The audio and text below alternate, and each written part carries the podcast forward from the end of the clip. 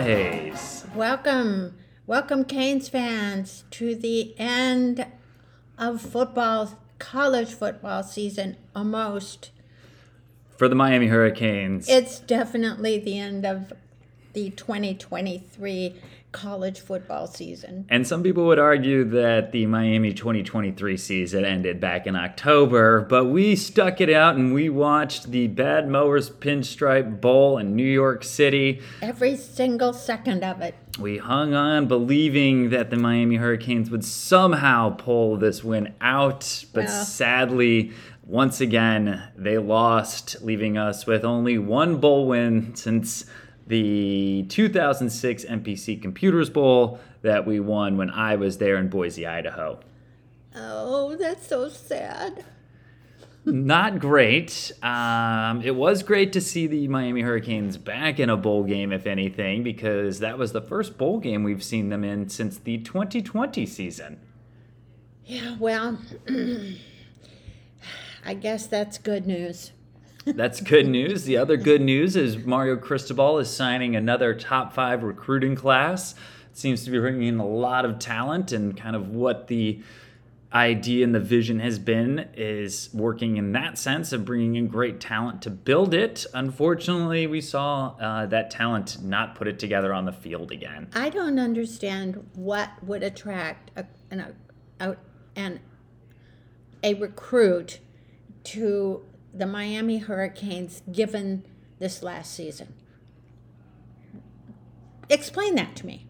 I guess Mario is just a very excellent recruiter and knows how to do that and be a great salesman for university. He's been great at that for well over 15 years now and stops when he was at Miami as the O line coach, when he was the FIU head coach. Uh, got a lot better at it too when he was the O line coach with Nick Saban and was a big recruiter for that program during a lot of their runs and was pretty good at it at Oregon. Unfortunately, we're still just not seeing him develop that talent. Into being a good, successful coach? A winning coach? Well, he is a winning coach. A winning team that beats teams that they Um, that should. matter. Yes, correct. And to be fair about this game is Miami was shorthanded. They were out uh, Tyler Van Dyke, their obviously stored, starting quarterback, Colbie Young, the wide receiver who's transferred to Georgia. Um, Javion Cohen, uh, the left guard, Matt Lee. I think one of the interesting things from the broadcast that I didn't know and is definitely hopefully promising for the future was that was the first time Miami didn't that Miami had a different starting offensive line all season. So the offensive line was healthy this year. Uh, they were pretty solid, which is again I think where you look at the hope for this team i- is there. Well, uh, that, of course, was one of Mario's goals is to strengthen the offensive line. And when you hear that stat, um, he certainly was successful at that. Correct. And then Leonard Taylor was out, and Kam Kitchens and James Williams, who are uh, all three big players in the run game when it comes to filling gaps with the safeties, and then obviously what Leonard Taylor does for the team in the middle of the defensive line. I think, you know, really sticks out. We didn't even notice that Rashard Smith was missing from that game. Um, that's because there are two receivers that stuck out, one really good and one not so good in this game. So Miami was a little bit more shorthanded, but you're still hoping to see some of that backup talent uh, develop and go from there. Well, most, uh, unfortunately, most of those, well, fortunately for them, um, were out due to the draft. And I guess that's understandable. Yes, you know, I'm not faulting guys that are getting ready to and want to stay healthy. Um, for five guys that are sitting out uh, to not play in a baseball stadium against Rutgers, um, I don't fault them for that at all, um, especially when there's not really any incentive for them to play in that game other than just for pride. Right. Especially when they're already pretty good draft prospects. Right. I'm sad to see Colbie Young leave. I know that's not exactly what we want to talk about after this game. Um, kind of one that is a little bit of a head scratcher for leaving. I understand Tyler Van Dyke and some other players wanting to transfer. Um, but Colbie Young, obviously, your wide receiver depth and skill is not great. And I don't feel like we've pulled too many wide receivers in either between transfer portal and top recruits. So losing Colbie Young, I think, is going to be one of the biggest issues that we have going into next year. He, he was a star that we were looking forward to watching for more than one year. Yes, uh, you know, he saw his development from the year before into this year, where he was a much better receiver. Um, obviously, having Restrepo continue to grow uh, would have been great, but uh, you know, we were out a lot of players, and we got to see some other good um, athletes out there, and some players for the Cane. Rueben Bain Jr. continues to be a force that we're excited to see develop, and talk about a guy that's going to hopefully be around for a little while. Well, you would hope so because he's got so many ties to Miami, not just Miami, the the um, team, but Miami, Florida, Yes, the city.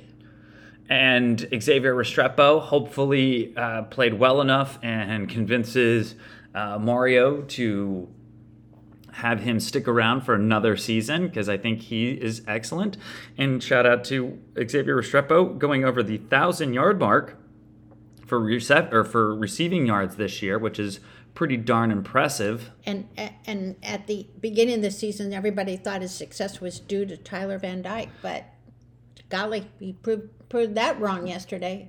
Absolutely. And, you know, it's too bad he had that stinker of a Florida State game because then he probably would have been almost had a chance to set the single season record for Yeah, yeah. yards uh, by a receiver in the season, which is impressive. I think it's the only the sixth receiver to do that in Miami history. So, pretty exciting to have him do that as well. Um, now, the other receiver that didn't play as well was Jacolby George, who dropped the opening game pass that probably would have been for a touchdown, couple of very bad penalties, and then dropped that reverse that might have kept us in the game late in the fourth quarter. Yeah. Well, fortunately, we have George again next year. Yeah, and he had great flashes this year. You know, it was just too bad that he just seemed to have a game that he played pretty bad at and, you know, needed help out of, uh, definitely needed him, especially with Jacurri Brown back in starting for the University of Miami. First time since last year that he was in. And um, we haven't seen him obviously at all this year and found out that they redshirted him this year, which is great. And even though he played in this game with the rules that were changed a few years ago, he's still he doesn't burn his red shirt this year. So he's around. It's unclear what they're going to do at quarterback still. Um, but I think he was impressive enough to give himself a chance. I think he was a little bit more impressive than Emory Williams was against Clemson. They obviously let him do a little bit more. And he's a big dude that runs downhill. I, I don't know how you don't figure out how to use that a little bit better. Well, I, I saw some some bright rays of uh, success in um, and quarterback ability or what however you want to say it with him in the game.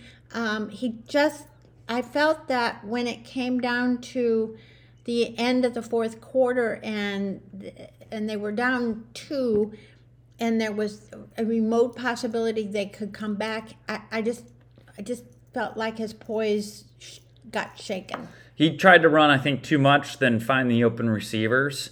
Uh, relied a little bit too much on that. And again, we can't see what's happening downfield. It seemed that um, he kind of would step up in the pocket and ran actually into pressure a couple times with only three rushers on him and putting pressure on him. So that was too bad. But that throw to Xavier Restrepo in the corner was pretty impressive. Um, that was a great throw and almost had a great throw and catch at the end of the first half to Restrepo, uh, but Restrepo's right butt cheek was out of bounds, unfortunately. Well, and also some of it was we didn't have our our normal O line. Correct.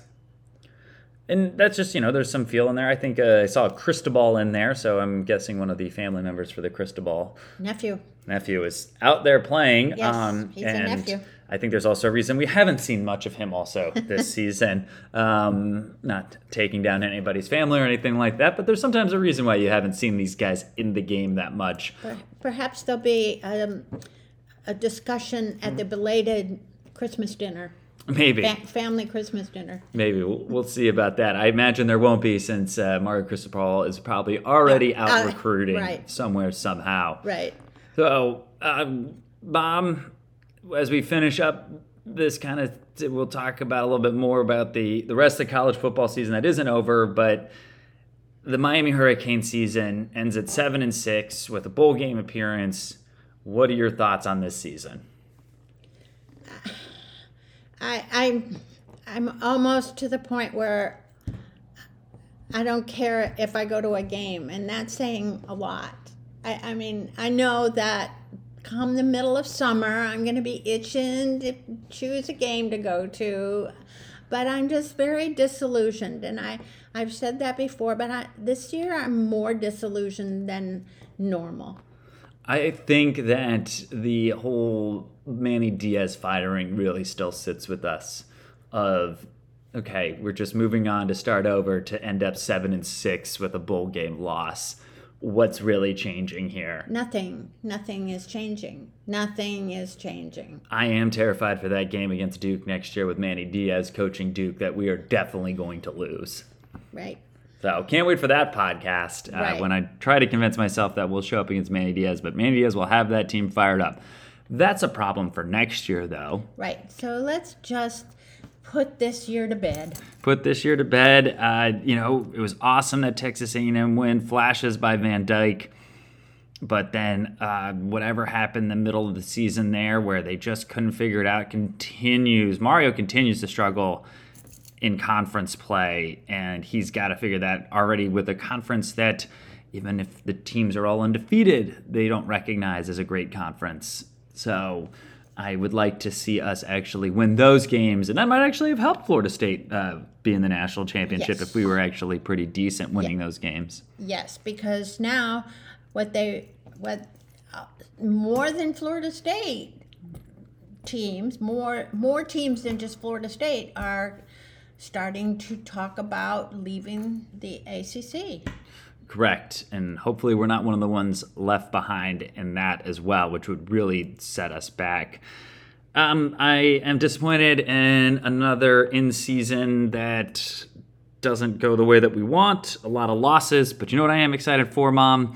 Is that we will likely win the offseason again with some great transfers, Yes. a top five recruiting class, and convince ourselves that we will win 10 games next year. And our our uh, first game of the season against Florida is it? In Gainesville, August 31st. Ay, ay, ay, ay. Oh, that won't be a hot game at all. that is going That to is one game I am not going to. All right. Well, you heard it here. So we're excited when she convinces herself or somebody offers her to take her to that Gainesville game and she goes. Anyway, uh, go Canes and happy 2024 off season, everybody.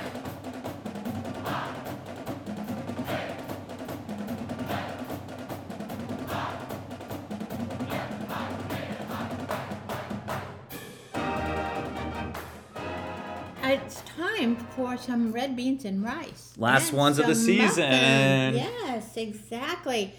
And I see that Restrepo's name has come up several times this season, and we're going to do it again. I mean, that's clearly he was the winner of the of the game in terms of my recipes. my rep- recipes for bowl game trophies. I just, I mean, he put his heart and soul into making making this a decent game, and he couldn't do it single handedly. So, I guess I would give him. I get. He's been recipient of red beans and rice twice before, so let's just give him some chocolate chip muffins. in case he still has those red beans and rice in his freezer. There you go. I like that. Uh, you know, there's always a good reason to freeze them. Um, what about your red beans and rice, though? Well, I would go with. Um, I know who. I know a lot of players I wouldn't go with, but I would go with our hometown hero, Rueben Bain. I love that choice. Those seem to be really the only two that jumped off the, the board for us. The side of cornbread um, goes to Jacurri Brown for me because I still think that he was in a tough spot coming in, having to quarterback um, a bowl game where he was not even a viable starter because of being redshirted this year to being thrown into that. Uh, other than a bad interception in the first quarter, played all right, ran the ball well, and sure is filled out and looks like the part. And hopefully, if uh, Cam Ward does not transfer to the University of Miami, we at least have an option at quarterback going into next year. Right.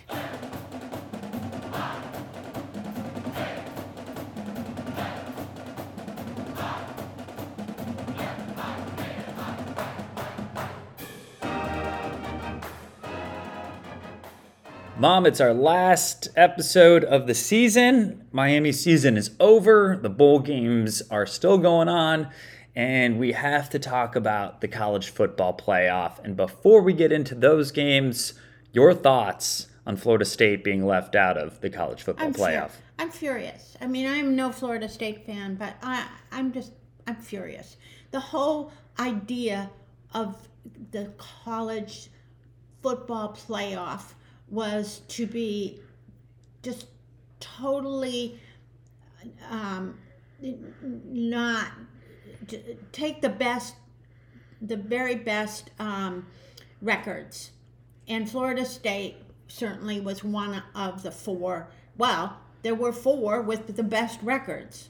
And they that was obvious that they were the four obvious picks. I, I just I think money got involved. I think um, I think that there would have been no SEC teams, and that was for some reason the committee feels that there has to be an SEC, SEC team in there. I I'm did I say I was furious? I'm furious. I know, and it's been almost a whole month since it's I'm happened. still and I am still furious. It's unbelievable, especially again, like you said, not being a Florida State person.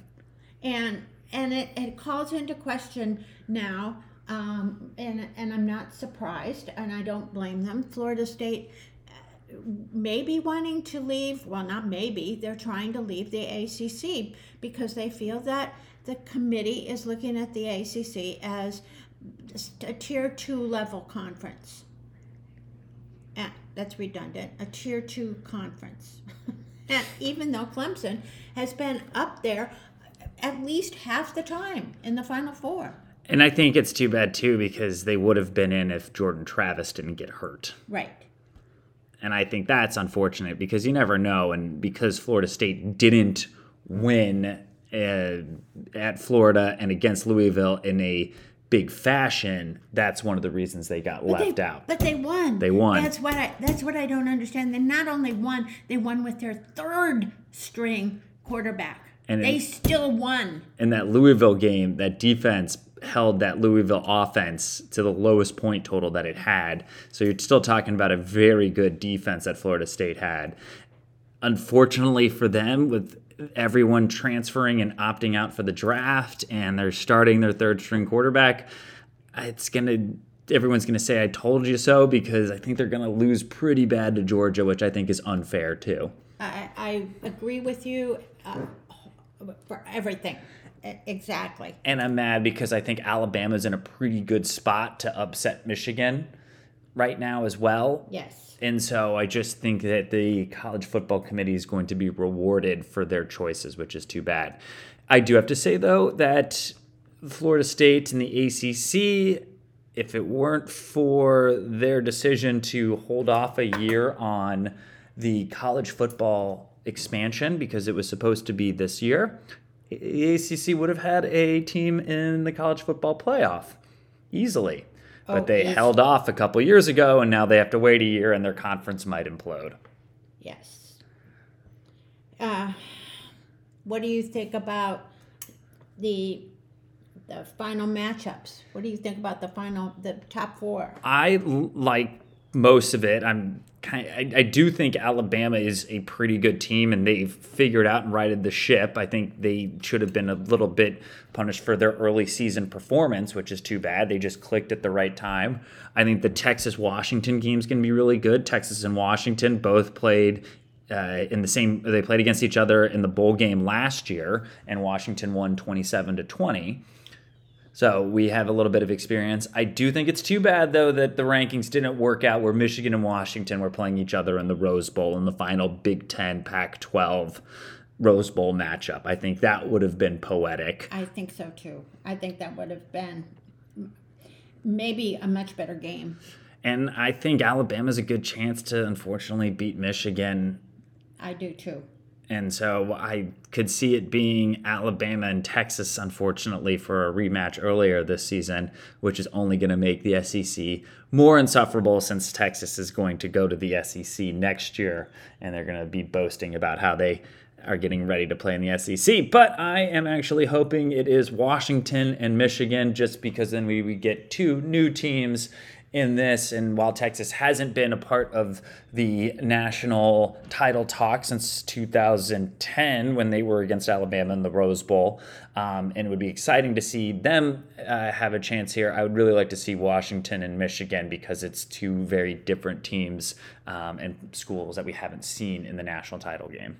Well, I would be very frustrated if Alabama won since you have said all along, all season, that you thought Alabama was a dark horse. And lo and behold, they seem to be proving you correct one more time. We, we were pretty close, though, where that upset happened, where they beat Georgia, like I said. And if Michigan had stumbled in the Big Ten championship, if Washington had lost to Oregon, or obviously already Florida State, where we might have actually had Georgia, Alabama in that college football playoff. We were close. Yes. Um, all right, Mom. Um, who do you have winning the whole thing then? I have my I wish teams, which are like three of them.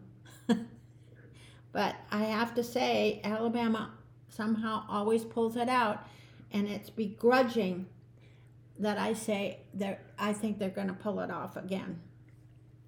I think that's a great pick. I'm gonna go the opposite. I'm gonna think uh, Michigan finally figures out a way to do it, and I think if Michigan can get by Alabama, they can beat Texas and University of Washington. Well, I do agree. If they can do that, if they can get by Alabama, I think they got a good chance of doing the going the whole the the whole enchilada. Yes, I do think all. I hope. I the biggest thing I hope is I hope all of the games are great.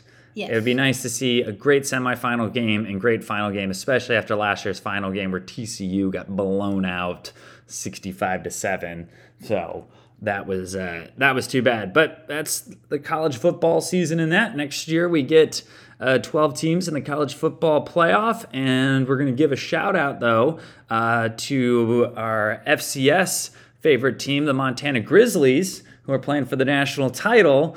Uh, for the FCS on January 7th. So let's give out a big go Grizz. Go, go Grizz. So we are hoping Montana wins it. Uh, fun fact is, I found this out that if Montana wins, uh, teams with M O N T uh, will have won college football uh, playoffs or championships in North America. A team in Mexico um, starts with, I forget which one it is. Montezuma? Uh, maybe. Um, I have to look it up. Then would be Montana, and then uh, Montreal University won. Oh my gosh. So it would it would complete the Mont Championships in North America. So go Grizz. And representing the major North American countries. Love that. So anyway, that's the college football season in our books.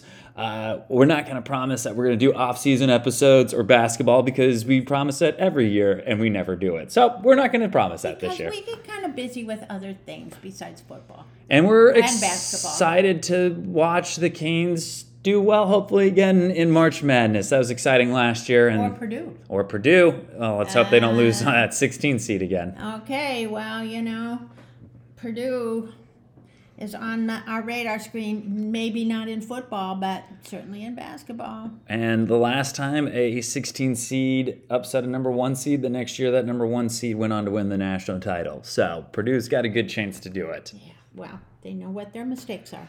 Well, Mom, even though we just talked all college football, we still have to break it down like we always do. You ready? I'm we're gonna do this together since we're both in the same spot and not on Zoom. This you is lead exciting. this time. We're just we're not gonna I'm not gonna lead. We're just gonna do it together. All right.